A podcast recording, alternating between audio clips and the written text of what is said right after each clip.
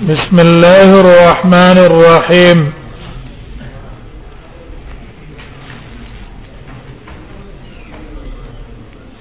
باب ما جاء في كراهية أن يأخذ المؤذن على الآذان أجرا باب بیان دا کراهیت دې خبره کې چې مؤذن واخلي په خپل اذان باندې اجر اوس مصنف رحم الله دا مسله ذکر کوي آیا مؤذن لرا اذان باندې مزدوري اغستل شرط لګول یو مسله د شرط تا یو په غیر د شرط نه ده مؤذن را ولګيږي خلکو سره شرط ولګي چې را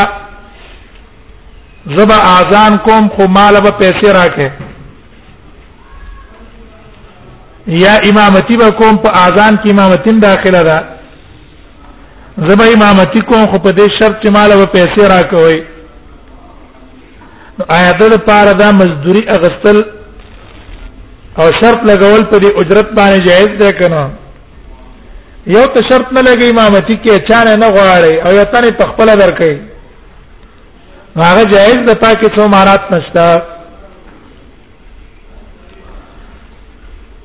نو په دې کې درې قولې د علماو یو قول د متقدمین او احناف کوم چې په احناف کې متقدمین دي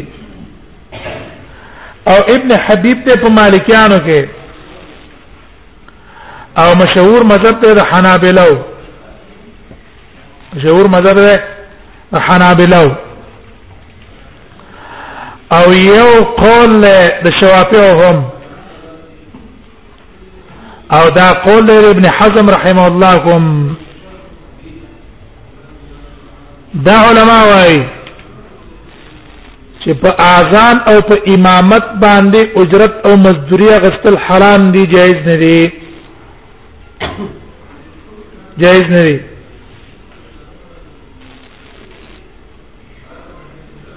دلیل دی اول ولا په دې حدیث د باب دا حدیث تاسو ابو داود کې مو ویلو او دی امام ترمذی مو سره اورو چې ګوره رسول الله صلی الله علیه وسلم عثمان ته ویلو عثمان ابن ابي العاص ته چې طائف کې د امام مقرره نو رسول الله صلی الله علیه وسلم ته ویلو اتخذ مؤذنا لا ياخذ على اذانه اجره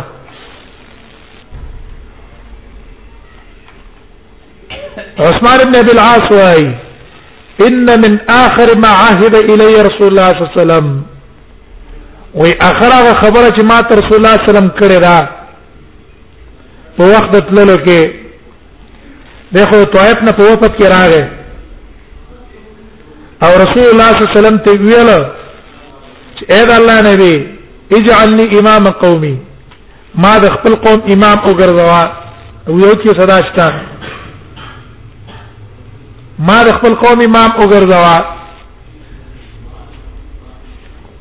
نو نبی صلی الله علیه وسلم تل انت امامهم بس ته دغه امام جمله اسمیه ته استعمال کړه د پاره د دې چې بس ته امام مقرر شوی ته څه ستا خبره منزور شوی او بس ته امام مقرر شوی ته دغه امام خو نبی صلی الله علیه وسلم ته ویلو چې وا اتخذ مؤذنا ونسي مؤذن لا ياخذ على اذانه اجرا چې ناخلی په خپل اذان باندې اجرا مزدوري اخر ما هدف معنا ورسېدې چې دا کله واپس لو نبی صلی الله علیه وسلم وصیتونه کول نو په وخی وصیت کې تدا حکم وکړو طریقه د استدلال دا ده چې ګور رسول الله صلی الله علیه وسلم د تویل چې تدسی مؤذن مقرر کړ چې خپل اذان مزدوري نه اخلي وی وجه دا ده چې په اذان باندې مزدوري نه اخلي د اقرب ال الاخلاصي اخلاص په دې کې څه ډېری دویم دکې به حرسي په ابراد ذمه ګوره دا یو هدا دا چې په سي طریقه باندې ادا کم دوی نه سره اما پیسې مقصودی ناغه سي کار نه کوي ته امامت درس له پیدا کی تدریس له پیدا کی لګي پیسې به کی کمی ویره دا ځنه کو ولې پیسې مقصودی او چې سری پیسې مقصود نه دعوت غرض یا پیسو ته نه ګوري هغه به کار کوم د دعوت پیسې لګي او کړي دي داغه پرواشته ده نه نو به چې لګه قرباني پاول کیو کی الله په بیرست لار را کولا وای الله په پیسو کی لار به الله را کولا وکي نو وګوره نبی صلی الله علیه وسلم د توي اتخذ مؤذنا د سه مؤذن بنشي چې هغه په اذان باندې اجرت نه اخلي نو د دې مقابل دا شو چې څوک خپل اذان باندې اجر اخلي نو ليس مامورا باتخاذه مونږ ته شریعت دا غو په نیولو باندې امر نه دی کړی چې کم یو تن مزدوری په اذان اخري باندې نشي مونږ ته شریعت امر په کوم کو دا چې مؤذن چې مزدوری نه اخلي نو چې کم یو تن مزدوری اخلي دا غي په نیولو مونږ ته شریعت امر نه دی کړی چې دا ونی شي نو څه به کو نه ویني دویم هغه استدلال نه ولر چې اذان باندې او دغه چې امامت باندې امامت ته عبادت ته وې ثواب په مصدری په ځکه نه اخلي چې دا اذان او امامت یو قربت ته د پاره د فاعل یو اجر دی ثواب دی او القربته لا يؤخذ عليها اجرا او په عبادت باندې څوک مزدوري او عوض په ناخلي دا به په ناخلي وجه دا ده چې د اجر اغستو سره ثواب برباديږي اجر اغستو سره څه برباديږي ثواب برباديږي دیو جمع مزدوري به په ناخلي دریم استدلال نه ولر په حدیث د یحیی البکالی ابن حبان راوړی او سمعت رجلا و ما دې سړینا واورید چې عبد الله ابن عمر تی ویل انی لو احبک فی الله و زما تاسو د الله په بارک مینا ده هغه تل اني لا ابغضك في الله وزما ستاره پاره د الله د پاره مې بدی شي ويا سړی ته ویلا سبحان الله اني لا احبك في الله وتبغضني في الله زما ستاره پاره د الله د پاره مې نه ده او تماسه د الله د پاره بغض کې دا ولې هغه تویل زکا انك تاخذ على اذانك اجرا ته په خپل اذان باندې مزدوري اخلي بس دی وجنه نه بدی شي ابن حبان دا روایت راوړی عبد الله بن مسعود قال له اربع لا يؤخذ عليهن اجر وڅلور چې نه پاغي باندې مزدوري نه اخلي یو اذان ایبه مزدوری نه اخلي قراءه القران القران په لستلو به مزدوری نه اخلي والمقاسم او په تقسیمونو چې شی ته چاله تقسیمه حساب ولکه پایبه مزدوری نه اخلي والقضاء او په قضا په فیصلو باندې به مزدوری نه اخلي نو دا اثر د ابن مسعود او د ابن عمر دلالت کوي په حرمت د اجرت او دا حدیث دلالت کوي په اخذ د په حرمت د اخذ الاجره علی الاذان دیم قول جواز اخذ الاجره علیه اذان او امامت باندې مزدوري غسل جایز دي په امامت باندې او په اذان باندې مزدوري غسل جایز دي مطلقاً کستا ضرورتي او کنه قد واشتا او بهم ته مزدوري اخلي دا تاسو لپاره جایز ده دا یو روایت ته د حنابلو او صحیح قول له شوافع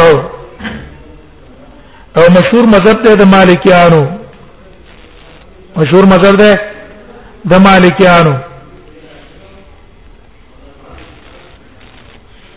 دلیل د جواز دا ده وی اذان چې ده دا یو عمل ده معلوم ده په شان ته د نور اعمالو يجوز اخذ الاجره عليه په دې باندې اجرت اغستل شي په شان تر تعلیم په تعلیم د قران باندې تعلیم او عمل له هغه باندې اجر اغستل شي ذکر رسول الله صلی الله علیه وسلم فرمایي احق ما اخذتم علی اجرا بهترین هغه شی چې تاسو په هغه باندې اجر اخلئ د الله کتاب ده په تعلیم باندې اجرت اغستل شي دقه شي دا اذان او دا امامت یو عمل له اعمال معینونه چې په دې باندې اجرت اغستل جایز دي او ابن حبان رحمه الله د جواز د اجرت د اذان لپاره استدلال له ولره په حدیث د ابي محذوران چې رسول الله صلی الله علیه وسلم دته اذان او ابي محذور اذان وکړو اذان نه بعد رسول الله صلی الله علیه وسلم دته سره ور کړو بټوا د سپینو زرو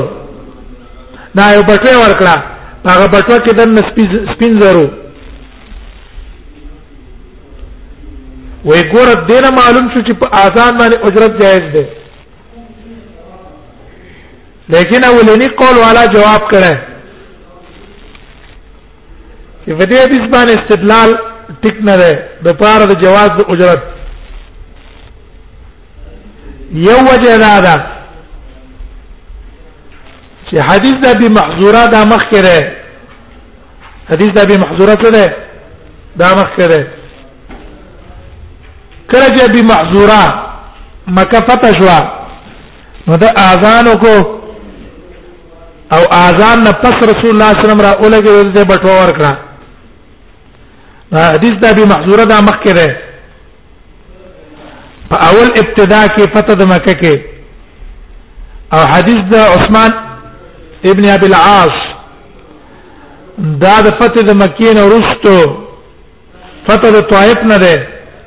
طائف چې کله نبی صلی الله علیه وسلم غزوه د طائف کوله او دا غي نه ورستو عثمان ابن ابي العاص راغله او هغه ته رسول الله صلی الله علیه وسلم واتخذ مؤذنا لا ياخذ على اذاني اجرا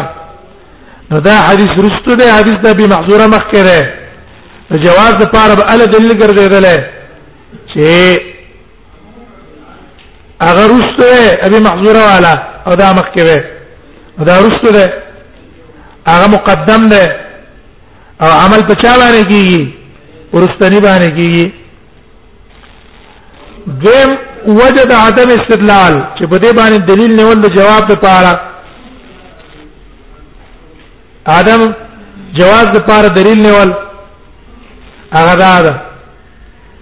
چې دې به محظورت چې نبی صلی الله علیه وسلم دا بټو ور کړي او په دې بټو کې دا سر زرو نو دا واقعه عین يتطرق يتطرقها الاحتمال دا یو قصه ده معیره او دې کې ډېر احتمالات شته کې دې شي رسول الله صلی الله علیه وسلم ورکړي په اجرت کې دې شي رسول الله صلی الله علیه وسلم ورکړي دی علی سبیل التالیف تو بارا علی سبیل التالیف دا تازه په اسلام کې داخل شوی او رسول الله صلی الله علیه وسلم دا بټور کړی د پاره د تالیف کې دې شي رسول الله صلی الله علیه وسلم دا بټور کړی د بلې وجه نه نو مختلف احتمالات پکې رال او اقرب احتمال هم دا ده چې رسول الله صلی الله علیه وسلم دا بټوچو لور کړل نو دا په نیت د اجرت نه لور کړي چې ګینه دا ستا مزدوري شو د اذان بلکې دا په نیت د تعلیف ور کړي لکه رسول الله صلی الله علیه وسلم نور مؤلفه القلوب ته سلسله خان ورکړه معاویه تا ابو سفیان تا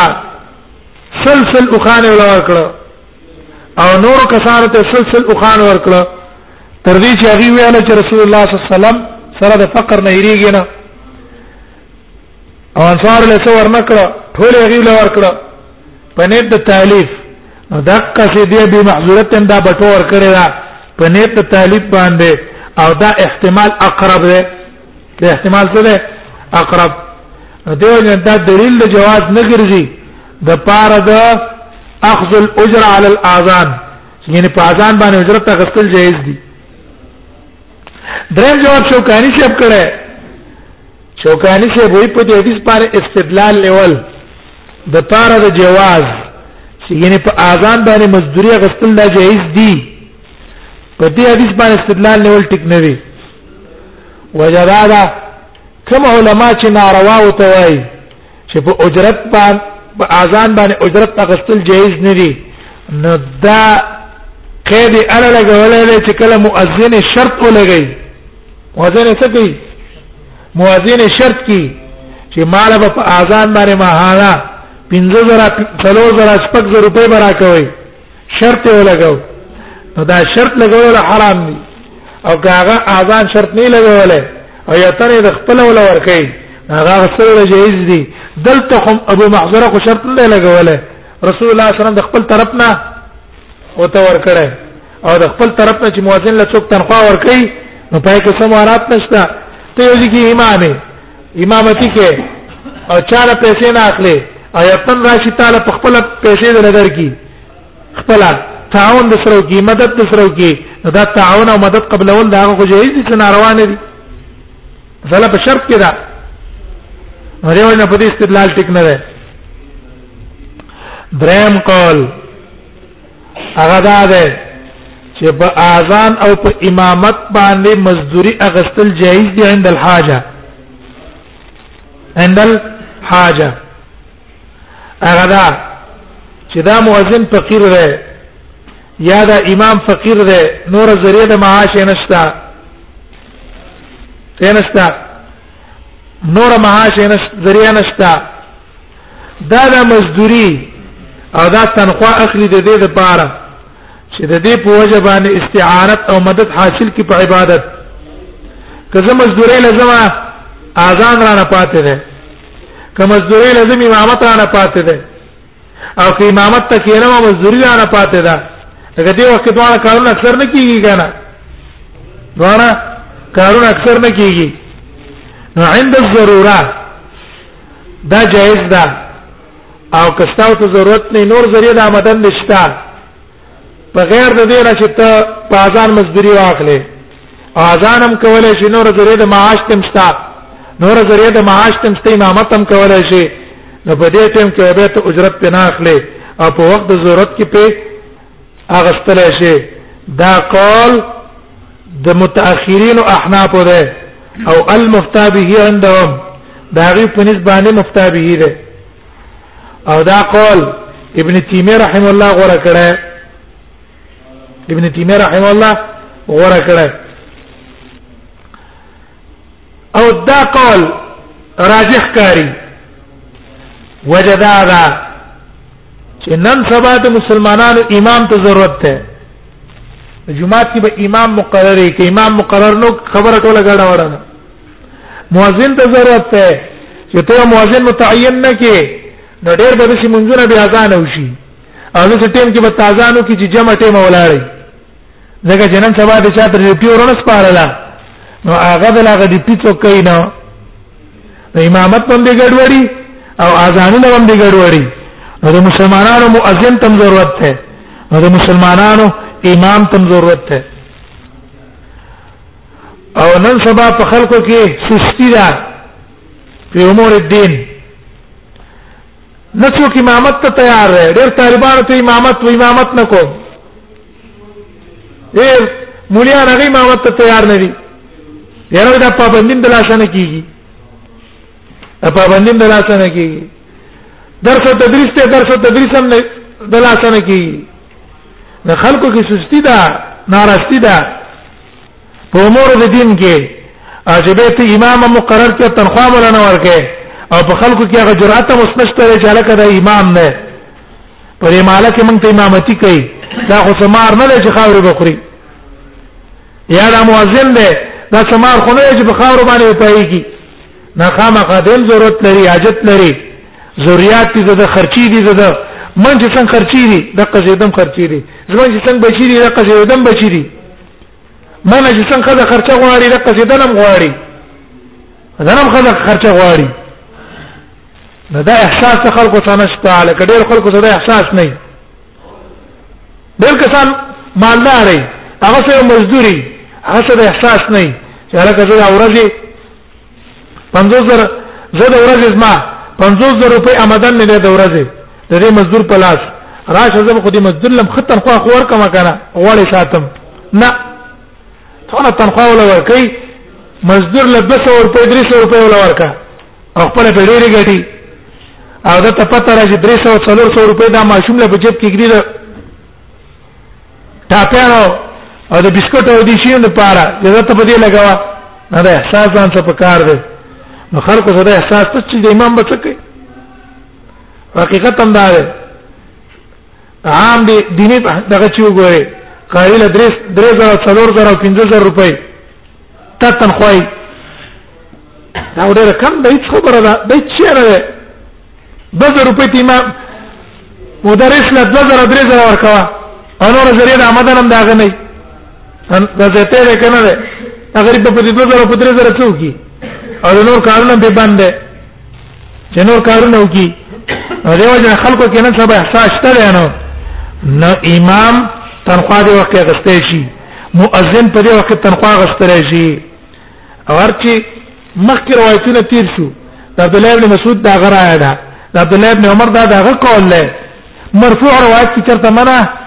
راغله نه ده په غیر د حدیث د باب نه ارچ حدیث د باب ده حدیث د باب په دلالت په حرمت کو نه کوي حدیث د باب دلالت په حرمت کوي حدیث د باب په دلالت په حرمت نه کوي پای کې صرف دونه دي چې بهتره تعالی دا ده چې د سه مؤذن اونې سي چې مزدوري نه اخلي او د الله رضا لپاره کار کوي باقي د حدیث کې خدا نشته چې هغه مؤذن نیول چې هغه په مزدوري باندې مزدوري په اذان باندې اخلي هغه ناروا دی هغه بنه نشي دا په حدیث کې شته نه حدیث کې دا دی چې وتخذ مؤذنا د سه مؤذن اونې سي چې په خپل اذان مزدوري نه اخلي راجح قول لا ده چې په دې وخت کې امامت باندې او په اذان باندې مزدوري غسل شي دي دا جایز دي هیڅ مانات په دې کې نشته امام دې تنخواه واخلي مؤذن دې تنخواه واخلي او مقرر دی کی هیڅ دلیل د حرمت نشته دا روایت دلیل په حرمت نه ده اتخذ مؤذنا لا ياخذ على اذان اجرا قال ابو سعيد حديث عثمان حديث حسن